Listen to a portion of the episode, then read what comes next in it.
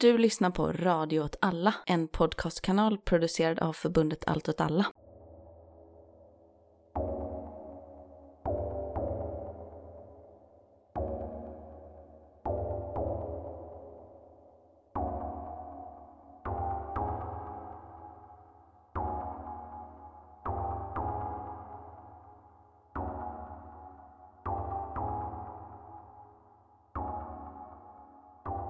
Hej och välkomna till Eld och rörelse. Udda krig och perspektiv. Med mig Martin. Och med mig Myran. Hur är läget med dig? Ja, men det är lite segt får man säga. Är du bakis? Ja, men lite bakis. Mm, jag är också bakis. Jag har också, inte burit våldsamt mycket, men ändå hjälpt till i en flytt. Du har varit på en flytt Jag har va? varit på en flytt. Nej, men jag bar en del ändå. Du bar? Ja. Mm. Sen eh, är jag lite bara allmänt eh, stressad i livet, tror jag. Du är allmänt stressad? Ja. Håller på att gå in i väggen? Nej, men det tror Hit the inte. wall? Nej, Nej, inte? det vet man väl inte innan? Nej, det vet man inte. Eller, det vet man kanske. Jag hade ändå någon sån så stressreaktion eh, dag för ett tag sedan. Idag? Nej, för ett tag sedan. Nej, för ett tag sedan, ja. Ja. Du började blöda genom huden. Nej, inte riktigt. Berätta om din Nej, stressreaktion. men det kommer jag inte göra i poddradio. Det är jättekonstigt. Det är konstigt ja. Jag har sagt så mycket som jag har gjort redan. Du Mm. tycker jag overstated it. Det måste, tycker jag jag inte. måste ha lite stoff för uppsnacket här liksom. Det kan inte vara... Jag måste Det är bara att köra. Eh, Ja, du är bakis, lite bakis. Jag är också lite bakis. Jag, eh, det är ju en eh, gammal sanning att det här med bakfull blir värre. Det är också du som lurade ut mig igår, får man ändå säga. Ja, ja, Ja. nej jag är medskyldig. Vi har druckit öl ihop, ja precis ja. Nej, det, bakfyllan blev värre. Det hjälper ju inte heller att jag kommer hem, alltså jag drack ju inte fasansfullt mycket, men att jag kommer hem och somnar på min soffa istället för i min säng. Okej, ja, det är. Mm. Ja, och sov där. Hela natten. Nej, till klockan fyra i morse, Ja. så då gick jag upp och la mig i min, min egen säng. Mm. Så då trodde ju min partner då också att jag hade kommit hem klockan fyra. Ja. Vilket jag då inte hade. Ja. Ehm, och vi ska ju då, strax dra igång med dagens avsnitt på riktigt. Jag bara funderar på, på en grej. Ehm, vad tycker du om den här grejen med att börja kommentera kultur? Att människor inte ska göra det generellt menar du? Att vi borde stänga ner kultursidorna? Det Att, ja, alltså folkkulturer då, eller man säger.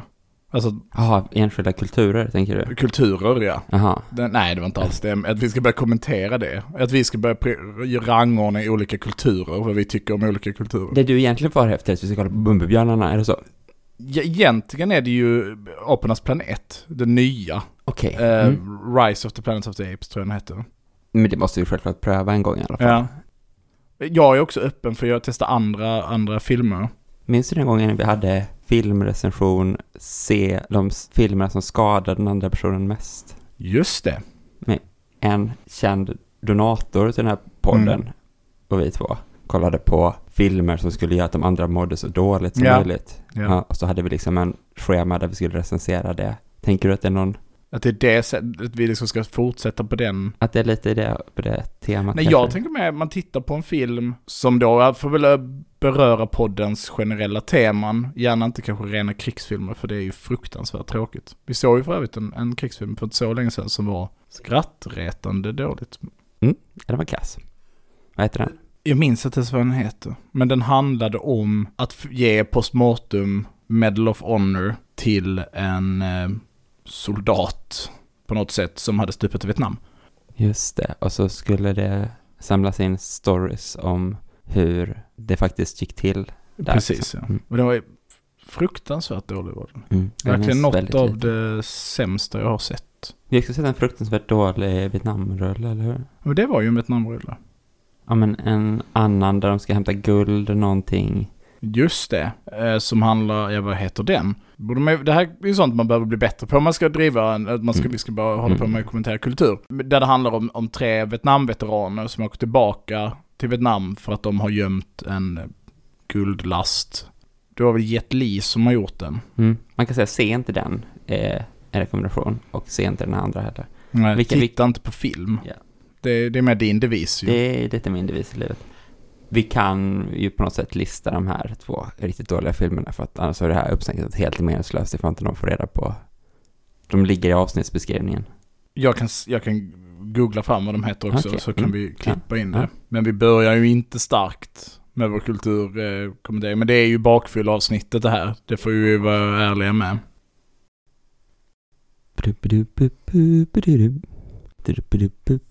Det här är hissmusik. Du kan ju spåna på en vignett till eh, Kultursnack. Men det är bara Valkyriernas ritt. Där får vi... Det får vara det.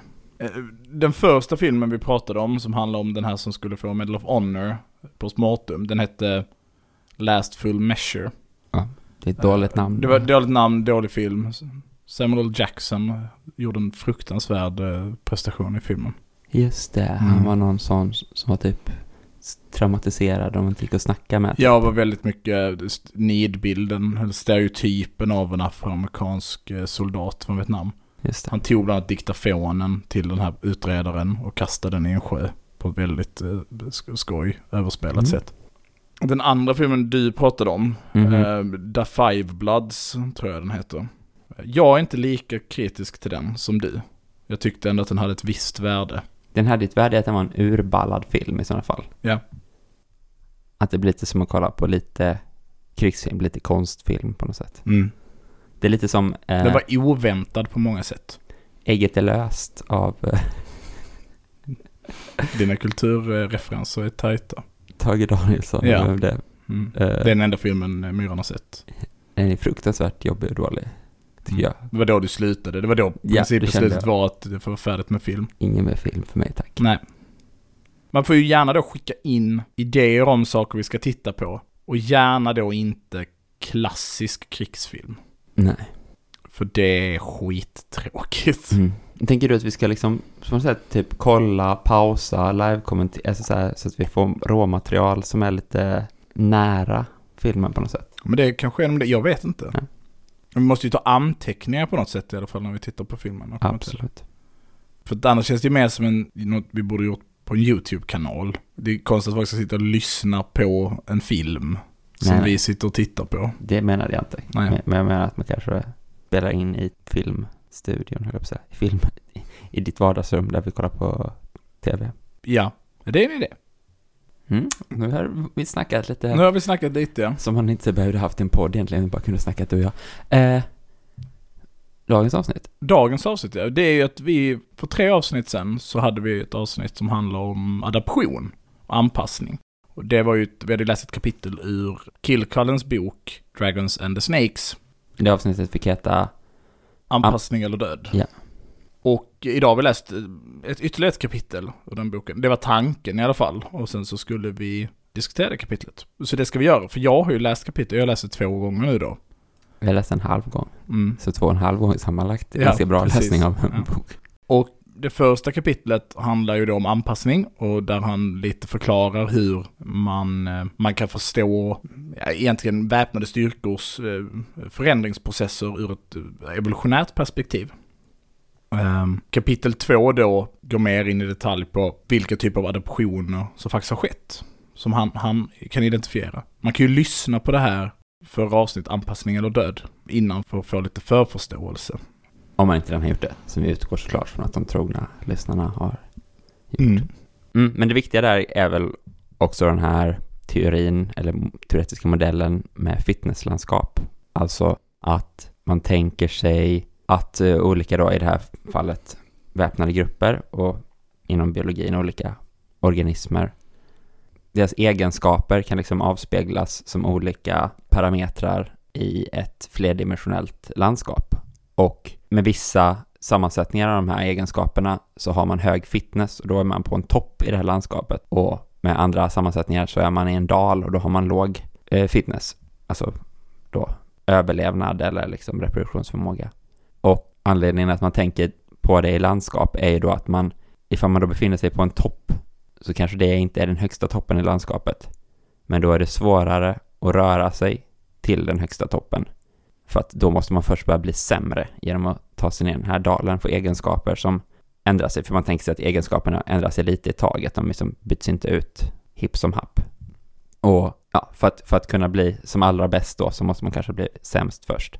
Eller så måste landskapet förändra sig. Och då så kanske man, den toppen man satt på förut kanske sjunker ner och blir en dal istället. Och då kan man bara röra sig upp mot en annan topp. Om man då ska exemplifiera det här, inte i djurvärlden utan i upprorsgrupper och den kontexten så kan man väl säga att om man har varit en, en liten väpnad grupp under en lång period och varit väldigt duktiga på att inte bli gripna eller dödade på grund av att man har haft förmågor som har gjort att man har överlevt och nu ska bli ett eh, stort parti till exempel. Så kan man liksom inte fortsätta vara man kan inte fortsätta ha de förmågorna som gjorde att man var en väldigt skicklig väpnad grupp. För du behöver förändra dig för att kunna bli partiet. Så inom en viss period kommer du vara både en väldigt dålig väpnad grupp och ett väldigt dåligt parti innan du i sin tur kan bli det bra partiet. Ja, precis. Så får man säga. Och det här kapitlet som vi har läst nu då börjar ju med att prata om hur landskapet har bestått väldigt mycket av, har formats på något sätt av, vad säger man på svenska, luftöverhöghet, kan man säga det? Luftherravälde skulle, skulle jag nog kunna. Just det, luftherravälde. Och hur det har varit totalt dominerat av väst och USA framförallt sedan mm, Kalla Ka- kriget. Ja, kalla kriget, eh, men de säger också att förvisso fanns det liksom luftstrider med flyg och så under Vietnam och så, Mm. men sista gången amerikanska soldater faktiskt blev ihjälbombade liksom Mm. med flyg var i Korea. Mm. På Det- 50-talet. så. Det är ganska häpnadsväckande Ja, egentligen. i sådana trä biplanes då, så dubbelvingade tänk första världskriget liksom. Att Korea hade ja. Mm. Nordkorea hade byggt eh, Så det var ju inte liksom en, att de blev hotade i sitt luftherravälde riktigt liksom. Den blev ihjälbombad av någon T- Tu-2 eller någonting, en stor strategisk eh, nej, sovjetisk bombplan liksom. Utan, ett litet plan byggt av plywood Mm. och tyg Ja. typ. Och, så egentligen, ifall man ska tänka då den riktiga lufthotet, får man gå tillbaka till andra världskriget då antar jag, att det är Mm. sista gången liksom. mm. Och att då alla de här insurgentgrupperna då, som ju boken mycket handlar om, på något sätt är utformade i ett landskap där de är helt underlägsna i den aspekten. Och det sätter liksom förutsättningar då såklart. Du kan inte ansamla dig i stora grupper för då kan du bli utbombad. Mm. Men Ja, och det, det är väl, vi, vi kan ka- kanske stanna lite Ja. där bara för att förstå det med combined arms då, eller eh, joint strike. Alltså att du har, vad ska förklara liksom väldigt snabbt, så kan man ju säga att olika vapenslag kan eh, ju ha ett, kan skapa olika typer av slagfält. Och olika vapenslag möts effektivast genom att ha olika typer av densitet i hur dina trupper är samlade. För att ta ett lätt exempel att om du blir beskjuten av eh, artilleri, raket eller eh, spränggranater, eller bombad då, med bombplan. kan gissa, då vill man vara utspridd. Då vill man vara utspridd. Men om du istället blir anfallen av en stridsvagnsspjutspets, eh, eller för den delen liksom en infanterihord, då vill du istället vara samlad för att kunna möta det anfallet. Är man utspridd spridd då så är man svag. Då blir man liksom plockad en efter en Mm. ifall man är ensam mot en grupp på 50 och sen så är nästa person ensam och så vidare. Ja, och du blir ju långsammare i förmågan att förflytta styrkorna då. Utan då vill du ha täta linjer liksom. Även om du vill såklart då ha försvar i djup och så.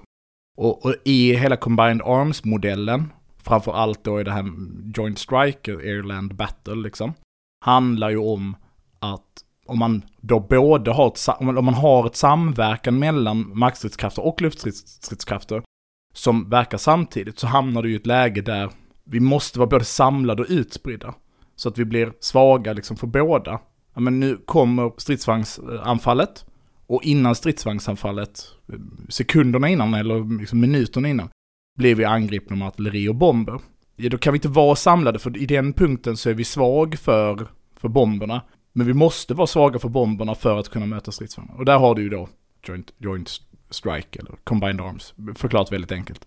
Och den idén om att ha den samverkan är ju liksom, precis som manöverkrigsföring som vi pratade om tidigare i avsnitt, så är ju liksom det definierande förståelsen som kommer ut efter andra världskriget. Att liksom slåss man på det här sättet, eh, det är, det det är väldigt effektivt. Och USA lär ju sig det här då under andra världskriget och det, Sovjetunionen har ju en liknande modell. Även om man skulle kunna hävda att i USAs del så ligger, står flygen och artilleriet, i, eller framförallt flyget då, i, i större centrum. Medan i Sovjet så står stridsvagnskrafterna då mer i centrum. Men, men de kräver ju den här samverkan. Ja men dina bataljoner av eh, T-72 är understödda av eh, hindhelikoptrar till exempel. De vapenslagen måste samverka. Och inte vara separerade. För var för sig så kan de bli svaga. För du kan ju också göra det omvända då att nu är våra flygplan hotade av luftvärnssystem. Så då är det stridsvagnarna som tar den striden. Och de är ju då väldigt starka mot luftvärnssystemen liksom. Så du får en slags påse situation. Mm. Det beskriver han. Han beskriver att väst specifikt USA har varit, eller, har varit och är ohotat i luften i, i de väpnade konflikter de befinner sig i idag.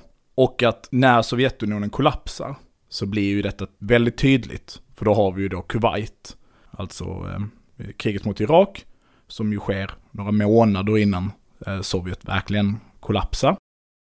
Och då sker ju Highway of, Highway of Death, vilket ju är den här eh, reträtten av eh, irakiska styrkor längs en motorväg. Där de då alltså klumpas ihop och sen så genomförs det luftanfall mot det här som är helt besatt. Vi har pratat om det i flera avsnitt och, och vad är det för begrepp som man då brukar prata om det här? Jag har en förkortning Myran som vi har använt väldigt många gånger. Nu satte du mig på pottkanten. Ja, Eh, Börjar på R, förkortningen. Kan du ta nästa bokstav? Ett M, Nej, jag kan inte. I, A eller A. Ja, nej. Revolution in Military Affairs. Okej. Mm. Vi har nog Då- sagt det ut. Vi har nog Många sagt förkortningen så ofta. Vi har sagt hela ordet. Äh, Ja. RMA tror jag jag har sagt. Strunt samma, det här är ju då exemplifieras med det här så, det nya kriget har kommit, USA är så överlägset med sin teknologi och de kan använda sina stand-off-vapen och, och area denial och så vidare. Precis, luftherravälde. Och så långt jag hade läst. Nej men de pratar väl lite också om, börjar inte prata om hur så här drönare och sånt påverkar det? Men jag minns inte exakt vad han... Nej, jag kan väl förklara vidare vad hans, hans poäng här då någonstans är, som han beskriver det. Det är ju att han, han säger ju att men du har den här situationen då du har haft det här luftherraväldet. Så att USA för det första förlitar sig fullständigt på detta. Och det har vi pratat om i avsnitten om Kina. Med att USA liksom inte riktigt vet hur de skulle strida om de inte hade luftherravälde. Och även om de hade, han beskriver också situationen att även om de hade luftherravälde i Korea och Vietnam och så vidare, även om det i Vietnam sker ju luftstrider i stor skala, USA förlorar ju ett par hundra flygplan till nordvietnamesiska jaktflyg, så är ju hotet om kalla kriget skapar ju situationen, eller hotet om kalla kriget skapar situationen där USA hela tiden måste förhålla sig till att de inte kan veta att de har luftherravälde. Hotet om att det kalla kriget ska bli varmt. Ja, och att de ska strida mot Sovjet. Och då är inte luftherraväldet lika självklart längre. Och, det här ser man ju båda styrkorna. Alltså Sovjetunionen lägger ju extremt stort fokus på att utveckla luftvärnssystem. Och är ju därför de har legat i framkant i luftvärnssystem väldigt länge och kanske fortfarande än idag. Att Ryssland då idag. Ja, förlåt, för Sovjet finns ju inte längre. Nej. Så att USA har förlitat sig väldigt mycket på sina luftstridskrafter, sina bombflyg. Och att det har ju inneburit att, att alla grupper som har stridit mot USA har behövt ha en hög förmåga att överleva ett, ett fientligt luftherravälde. Det har liksom tvingat fram en utveckling där du måste kunna det. För du kan inte ha centrering av trupper till exempel, eller liksom försöka möta USA konventionellt eftersom att det hade krävt att du kunde blockera av deras eh, stridsflyg och det har du ingen möjlighet att göra. Vilket ju bombningen av Kosovo till exempel och Serbien och så visat. Vilket ju ändå var riktiga, alltså det var ju riktiga arméer. Och där så då blir det här, landskapet är utformat så att varje topp inkluderar att vara små mobila grupper som är bra på att liksom smälta in i kanske en urban miljö eller i använda terräng då som berg och så som eh, skydd mot luftangrepp.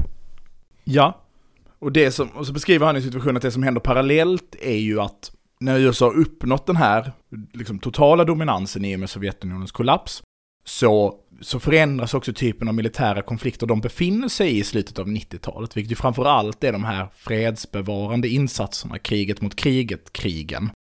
Och i dem så kommer det också en ny dynamik av hur krig förväntas fungera. Alltså att man inte bara kan bomba urskillningslöst, och, och man kan ju hata USA hur mycket man vill eller liksom ha föreställningar hur de gör. Men USA bombar inte urskillningslöst idag. Det, det, de bombar inte bombmattor mot städer, det finns liksom regler som, som tydligt definierar hur de får bomba, vilka mål de får göra. Ehm, spännande nog är det här regler USA har lagt på sig själva.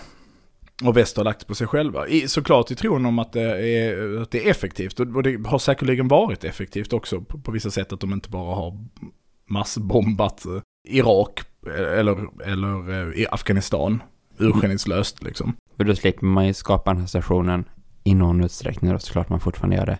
Men där hela befolkningen tycker man är vidrig för Mm. att man har dödat. Ja precis, men, men, men ännu vidrigare. Ja precis. Ja, precis. Mm, Ännu vidrigare får man väl säga snarare då. Ja. Så att man la många av de här eh, liksom reglerna på sig själv som begränsade vilka typer av, av ah, liksom, eh, bombningar man fick genomföra. Och det här visar han då statistiskt också att liksom antalen bombuppdrag per ytenhet i olika krig genom historien har minskat extremt mycket. Från något tal som är så här 28 per kvadratkilometer och dag till typ 0,14 på, så går han igenom tre, fyra krig där det ja, börjar på 28 och slutar på 0,14. Att det är mycket färre utflygningar där man faktiskt släpper några bomber, men att de då antagligen har blivit mycket mer riktade mot ett specifik punkt liksom. Ja, och att det som har skett är ju, det är inte bara så enkelt som att det är de här reglerna som har gjort det, eller för den delen att eh, vapnen har blivit så pass mycket effektivare, utan att hans take är väl att det har uppenbart skett en, en adaption som gör att de har inte tillräckligt med mål att bomba. Vilket för övrigt är en situation som även uppstår i Vietnam ju. Då och då så säger man att nu ska vi bomba Nordvietnam mer för att vi behöver bomba Nordvietnam mer. Och så säger flygvapnet, men vad är det vi ska bomba då? Så man släpper bomber för miljontals dollar på så här cykelfabrik utanför Hanoi liksom. Och säger, ja, okej. Okay. Ja, för man har inga militära mål för man hittar inte dem. Nej, liksom. precis. Och man kanske har bombat dem. Ja. Nej, men precis. Så att han gör den här casen. Han visar att mängden bombningar går ner. Men det som han också visar, och det tror jag att alla förstår, och det kommer till en ganska känslig fråga som jag tänker verkligen att det här kapitlet tvingade mig att fundera ganska mycket på, är att han säger att, och jag, jag vet att vi pratar om det här i förra anpassningsavsnittet, men jag tänker att man kan stanna lite mer i det det är att i och med att man sätter upp de här reglerna man begränsar vilka mål man får anfalla och de målen man då inte brukar få anfalla är sjukhus, skolor, eh, viktiga kulturella eller religiösa platser. Skapar ju en situation där det är fördelaktigt att befinna sig vid de platserna. Alltså den här klassiska eh, Hamas använder mänskliga sköldar eh, och så vidare. Liksom. Och vi pratade ju lite om det i förra avsnittet, men jag funderar vad du tänker om det.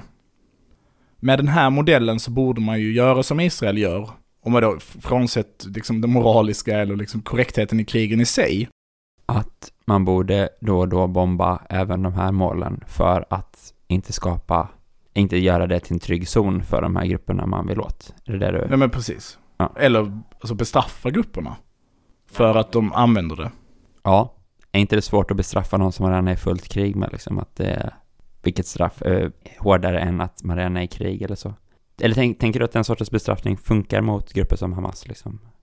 Okej, okay, och Hamas kanske inte är det bästa exemplet, men det måste ju finnas grupper som redan bekämpas fullt ut, om man säger IS då liksom. Mm. Hur straffar du dem ytterligare för att de gömmer sig i ett sjukhus liksom? Det är väl svårt, eller? Ja, det är ju svårt, men om du straffar är också ett märkligt begrepp. Passar det väl en mening att det är en sån här global polisiär aktion och själva beskriver att de genomför. De själva i det här sammanhanget, alltså USA. Men låt säga till exempel att varje gång en soldat gömmer sig i ett sjukhus, då fullständigt förintar vi det sjukhuset. Då låter det inte som att man längre har den här policyn som Nej. vi pratar om. Nej. Alltså jag menar, mm. att det är ett annat sätt att upprätthålla, det är också en policy för att man inte ska gömma sig i sjukhus. Förstår du vad jag menar? Absolut jag, jag förespråkar inte det här, jag bara menar att det, om, du, om du tänker på det ur ett anpassningsperspektiv, så borde det säga sjukhus, det är ställen man verkligen inte ska, ska gömma sig på. För det man vill uppnå är att soldaterna inte ska vara i sjukhus mm. från början. Alltså det i sig är målet. Ja, ja. Att det på sikt borde leda fram till att de slutade vara på sjukhus. Det känns ju lite också som ett så självbesegrande strategi ifall poängen från början är att man inte ska bomba hus, sjukhus så är det som sättet man genomför det att bomba sjukhus riktigt mycket. Då kanske det spelar ganska lite roll ifall man till slut kommer fram till att det är ganska få som hänger på sjukhus för man har redan uppnått problemet. Och man måste ju fortsätta upprätthålla det här. Så fort man byter policy till att man ska sluta bomba sjukhus så kommer ju adoptionen komma ganska snabbt tillbaka. Man kommer det är sant, man kanske mer då måste slumpmässigt bomba sjukhus oavsett om det är soldater där eller inte. Nu snackar vi. Nej, men inte oavsett ifall det är soldater där eller inte, utan att när soldater gömmer sig i sjukhus så kan det ibland, liksom så var femte gång, komma en total sån. Fullständig förintelse av sjukhuset. Ja, liksom. precis. En eh, termobarisk eh, bombning liksom. Och då är det mer en bestraffning på något sätt. Att du mm. riskerar straffet liksom när du gör det här, men det är inte, det är inte en konsekvens, ja, det är inte, kanske inte heller bestraffning, det Nej, men, men det blir sån riskkalkyl då på något ja. sätt. Ja.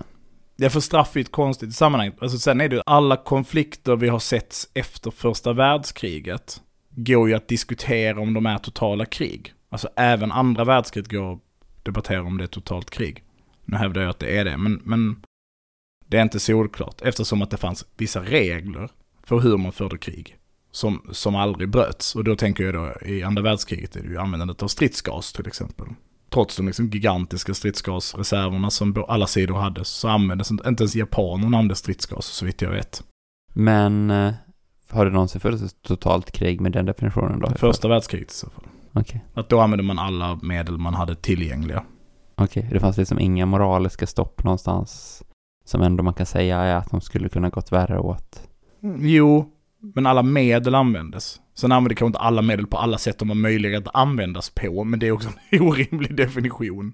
Ja, och kolla nu jag ner det här i... Ja, men jag vet inte liksom. äh, Pilbågar, vi måste ha med pilbågar i kriget, för annars har vi inte använt våra pilbågar. Så det är inte totalt... Nej, Nej. men det är väl tramsigt såklart. Men jag bara menar... Man höll tillbaka någonting, är det jag menar. återhållsamhet kanske Ja. även någonstans i första världskriget. Ifall man letar, tänker jag man kommer Ja, men hitta det. kanske, men jag tänker att det var så här, nu uppfinner vi nya vapen och så bara använder vi dem. Mm. De använder ju för fan stridsgas liksom. Det är ju typ något av det vidrigaste du kan använda. Och det gjorde man en mass. Mm. Ja. Ja, men min, min, min poäng är att en av anledningarna till att man inte gör det är ju för att så fort någon bryter mot den regeln så är det inte att man straffas i termen av att man liksom nu får du gå och ställa dig skamvrån, utan okej, men nu får vi också använda det. Så vi bombar inte sjukhus, religiöst viktiga platser, skolor och så vidare om inte ni gör X. Mm. För då blir det legitima mål. Och sen driver man den linjen utåt. Och det är ju det här som blir spännande i det, vilket du berättar, han pratar lite om det, men det är ju det här som blir spännande i det. Han pratar ju lite om det kapitlet. Och det är ju att vår idé om krig är ju väldigt förändrad och förändras väldigt snabbt. Det fanns ingen sån här debatt under kalla kriget. Föreställningen av hur kalla kriget skulle se ut, som både finns liksom i populärkultur i Röd Oktober eller den här Garbo-serien som finns i Sverige, svensk bokserie som handlar om när Sverige blir kuppanfallt av, av Sovjet. Men också de militära planerna som är, är det ju att det är liksom miljontals soldater som blixtanfaller, det finns ingen evakuering av civila, in i stora, stora städer i väst, fyllda med nervgas, samtidigt som man kärnvapenbombar framför sig för att på under 24 timmar ta sig till Ren och på 72 timmar ta sig till Engelska kanalen. Alltså det är ju inte så här, nej nu får vi stoppa här så får vi evakuera ut de civila, utan det är ju bara gas och kärnvapen framför sig hela vägen. Och det var ju inte debatten så, nej men det får man inte göra. Så att det är ju också att, det är ju övermakten i det här som ju gör, som tar fram debatten om reglerna. Det är ett sätt att separera sig också från fienden. Det är ett sidospår, men jag, men jag menar det att vi har ju, vi, är fel ord, väst har ju skapat en situation där det är en fördel att använda platser man inte vill att de ska använda. Alltså man har ju skapat en situation där det är det fördelaktiga. Och svaret på det är nog det stora problemet. För det sättet man skulle kunna lösa det, det är ju att inte förlita sig på luftstridskrafter. Utan att använda markstridskrafter istället.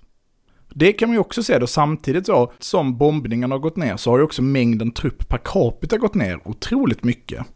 Och villigheten kanske överhuvudtaget att använda marktrupp i svåra situationer på något sätt Mm. för att det anses så illa när en soldat dör. Ja. Att man inte vill sända dem till situationer där det är liksom en reell risk på något sätt. Nej precis, det är både för att soldaten å ena sidan förväntas kunna och ha en typ av expertis och vara en professionell soldat, alltså inom, inte liksom en värnpliktig man skickar dit. Men också är ju uppenbart tåligheten för eh, nationen att hantera förluster. Och det handlar ju någonstans om sammanhållning av landet och hur liksom dominerande ideologi är i landet eller för att man har en gemensam förståelse på något sätt. Jag vet inte hur man skulle, vilket term man använder för att uttrycka det, men Ja, men det handlar väl också om på något sätt då det amerikanska valsystemet och sådana saker liksom. Ifall det dör jättemycket soldater så är det svårt att bli president igen och sådana saker. Jo, men hela väst har ju den här situationen. Jag tror inte att vi har något Absolut. västland Nej, som, okej. som accepterar, ja det är väl Frankrike då via Främlingslegionen, de har ju löst det på det sättet, men USA har ju en snarlik situation, alltså green card-soldaterna till exempel. Där kanske de här kontraktmilitärerna kommer in också som en lösning, att det inte anses vara en lika stor motgång. Att det dör så här Blackwater Ja men precis, ukrainska säkerhetsstyrkor som blir kvarlämnade i Afghanistan. Så Ryssland fick flyga hem. Det var det så? Ja. Okej, ja. Eh, Jag vet det kan också bara vara propaganda jag har läst. Din informatör, eller din, vad heter det, kontakt, vad heter det? Vad heter det? Min rekryterare. Ja, Vi är gett en- sponsrade av... en dossier med olika lines du kan säga. Ja men och den här känsligheten, både för att bomba sjukhus, alltså den mediala och politiska dimensionen, alltså känslighet för den typen av saker, är ju någonting som ju också blir liksom en fördel för styrkorna, eller fienden i det här fallet, alltså insurgenterna.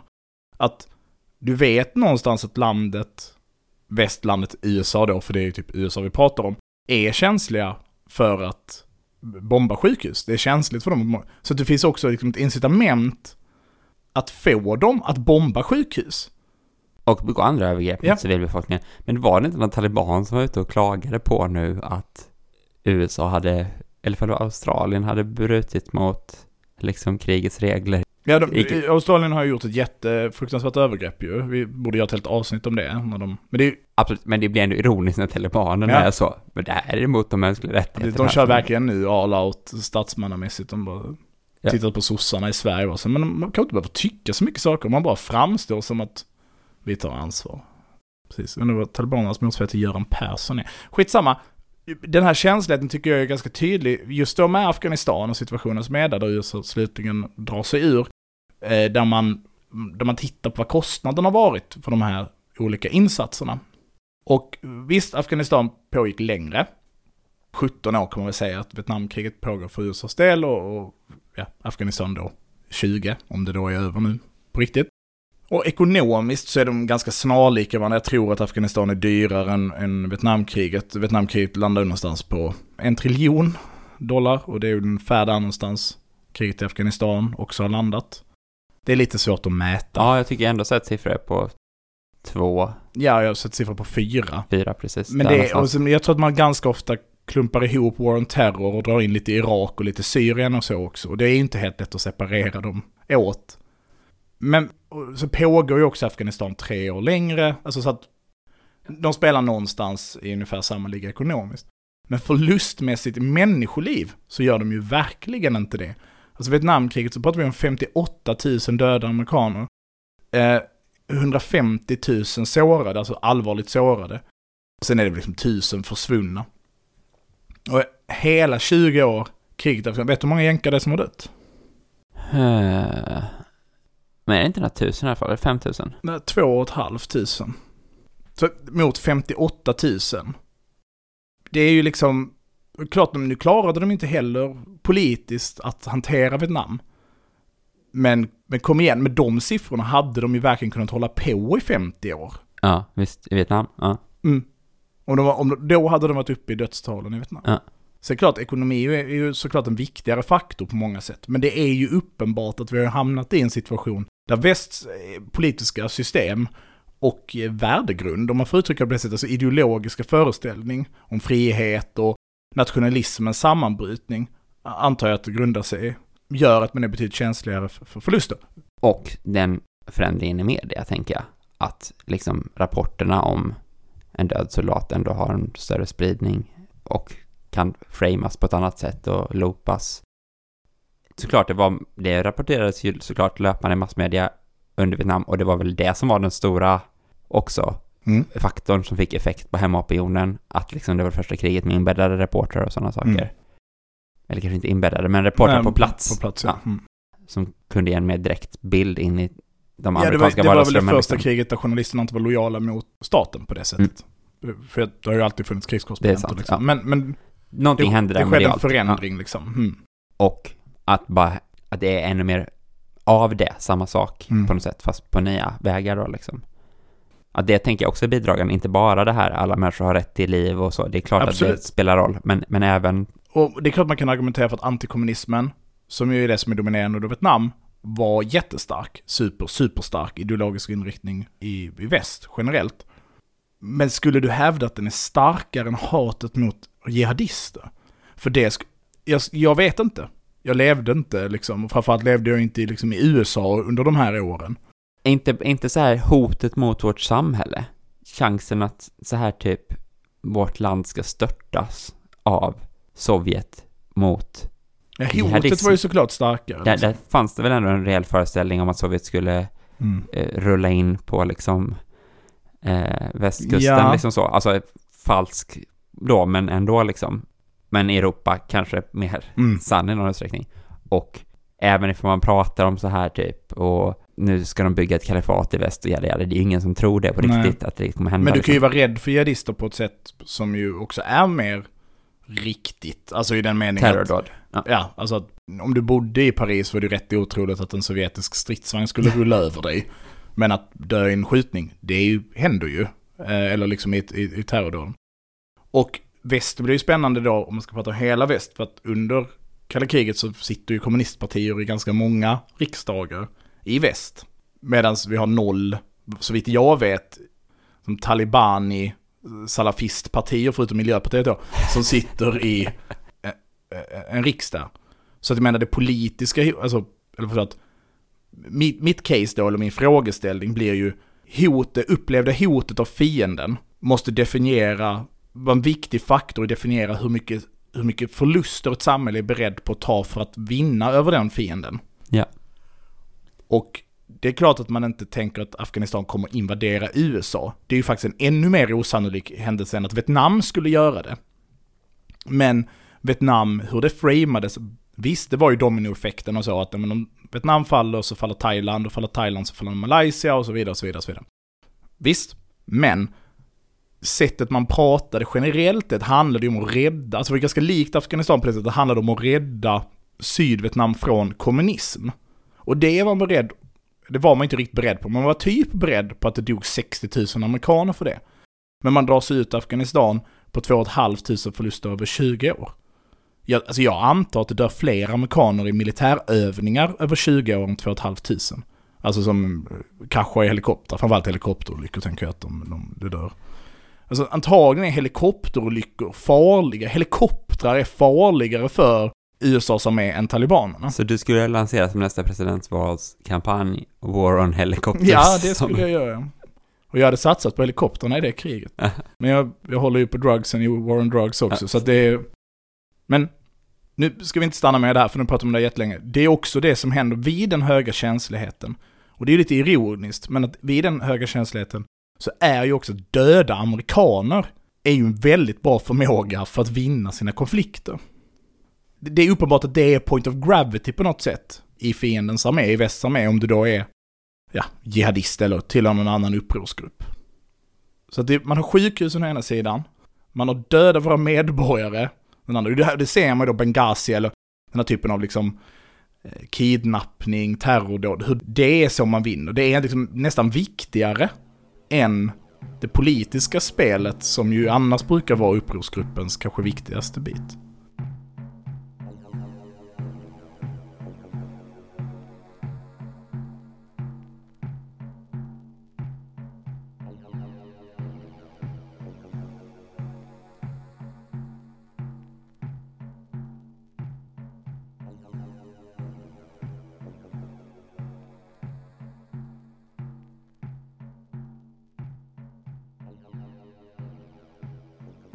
Gömma sig från flygplan, döda amerikanska soldater. Har vi något viktigt Ja men vi kommer till tredje här då, tänker jag. Jo men vidare så pekar ni ut en situation där den, liksom, en av de viktigaste teknologiska landvinningarna som har gjorts är ju egentligen kommunikation och övervakningsutrustning, eller ISR-utrustning, alltså Intelligence, Surveillance och Reconnaissance-utrustning, eh, teknologi.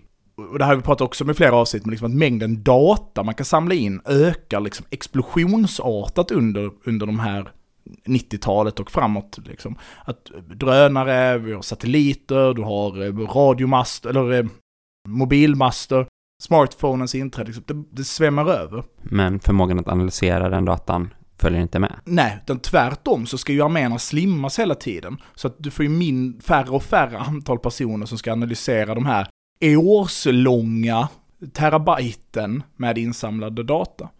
Och det skapar ju då i sin tur en situation där ett av de bästa sätten att dölja sig för fienden är att dölja sig helt öppet. För att ju mer skumrask du agerar, ju lättare är det att sortera ut den datan. Alltså, att man kan ta ett exempel att du avlyssnar någons vardagsrum. Och det är där du pratar om din, din bankrånsplan eller din, din nya eh, revolutionära grupp du har startat. Och så har du de samtalen utspridda två gånger under fyra månader. Då blir det jätte, jätte, jättemånga timmar bandat material man måste lyssna igenom. Men som en hitta- människa faktiskt måste sätta sig och lyssna på. Men om du däremot istället är så här, vi går, vi har det här hemliga rummet. Det, det är där vi pratar om våra skumraskgrejer. Och så har det rummet bara blivit buggat och du övervakar så vet du att men varje gång det är någon där inne, Så sägs det his stuff. ja och det är då det, då är själva liksom analysen Man spolar fram till den gången någon går in i rummet. och så kan du börja lyssna då istället. Och det har ju skapat en situation där att verka i sociala medier till exempel, att använda den typ av kanaler bland alla andra är liksom effektivare än att kommunicera väldigt separerat. I något hemligt kryptonätverk någonstans liksom. Som, ja. Och det är ju inte kanske inte bara då att skriva liksom, det, det är nog dumt i din Messenger att skriva liksom så, hej tja killar, jag funderar på att dra på mig ett bombbälte och spränga lite folk. Jag bara, jo men den, den fixar du av han och så. Det är nog dumt. Men det däremot att röra sig i den här gråzonen, att sprida propaganda i gråzon, att ehm, Skapa nätverk av kontakter och sådana saker. Ja, och att inte säga att man ska spränga människor, men att stöd, säga att man stödjer att man spränger människor. Mm. Det görs väldigt effektivt i de här liksom breda, stora, öppna nätverken.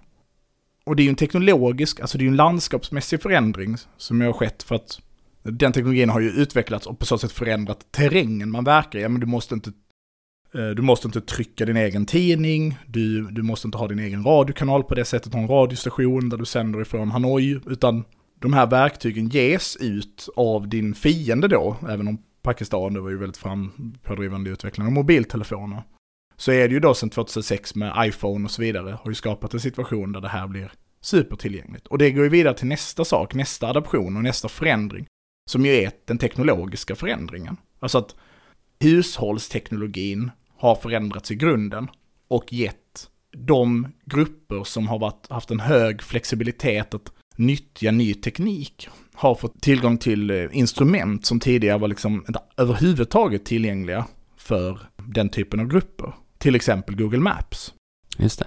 Och ännu mer specifikt så finns det ju flera filmer från Syrien där man använder en app på en iPhone för att mäta vinklar, hur du avfyrar granater till exempel. Och sen har du någon som ligger längre fram, ser det nedslaget, pinpointar nedslaget på en Google Maps, skickar tillbaka så att du lätt kan korrigera missen. Och menar den typen av teknik under låt säga Vietnamkriget, att Nordvietnam skulle ha tillgång, tillgång till den är ju helt vansinnig. Men den tekniska förändringen i, la- av landskapet har gjort att den här sakerna är, är nästan mer tillgängliga på den civila marknaden och därför till insurgenten än vad den är till, till det amerikanska försvaret då, om det är de man pratar om. Det har vi snackat om förut också, hur dåligt Ja. uppbyggt deras inköpssystem och sådana saker är liksom. Ja, och, att, och, och då drönarutvecklingen då som, ju, som händer snabbt. Så där har man ju den, att grupper som har en hög adoption till både till att använda sociala medier och den teknologiska utvecklingen rent eh, liksom, kommunikationsmässigt eller propagandamässigt ligger i framkant.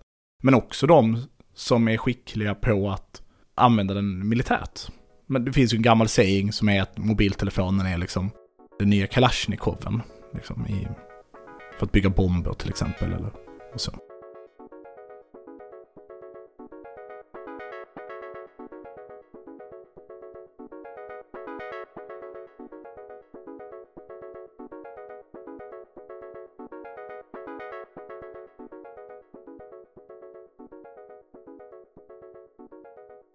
Det Killcullen då, man kan avsluta lite med det, gör som sin sista bit i det här kapitlet är en lista på vilka egenskaper som är eh, de den viktigaste i den fitness landscape då som man befinner sig i, fitnesslandskapet. Och det första han eh, pekar ut är ju då stealth, alltså förmågan att gömma sig och att smälta in i den fysiska, sociala och informationsmässiga bakgrunden. Att helt enkelt få adaptiv coloration som man pratar om, alltså Färgteckning Ja, eller? färgteckning är den ekologiska termen då. Mm. Han beskriver dispersion, alltså förmågan att då strida splittrat och uppdelat på flera olika ställen. Och vidare då modulärt, alltså att också förmågan att strida utan en rigid struktur i ryggen. Autonomitet, alltså förmågan att under lång tid operera helt självständigt utan stöd. De här sakerna känns ju som att de har varit allmängiltiga väldigt länge för eh, upprorsgrupper.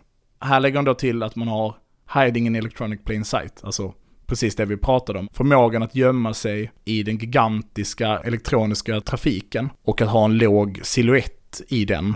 Hugging beskriver han det som. Och då syftar han ju då på att krama de här viktiga positionerna, skolor, och sjukhus, befinna sig i den civila infrastrukturen. Förmåga till mediemanipulation, vilket vi var inne på här, alltså maximera effekten av fiendens snedsteg. Politisk krigsföring, sociala medier, att påverka fiendens och sina egna sympatisörer och kommunicera med dem. Och teknologisk know-how, hur det är de adaptiva förmågorna som alla de framgångsrika upprorsgrupperna som är aktiva idag, de har dessa.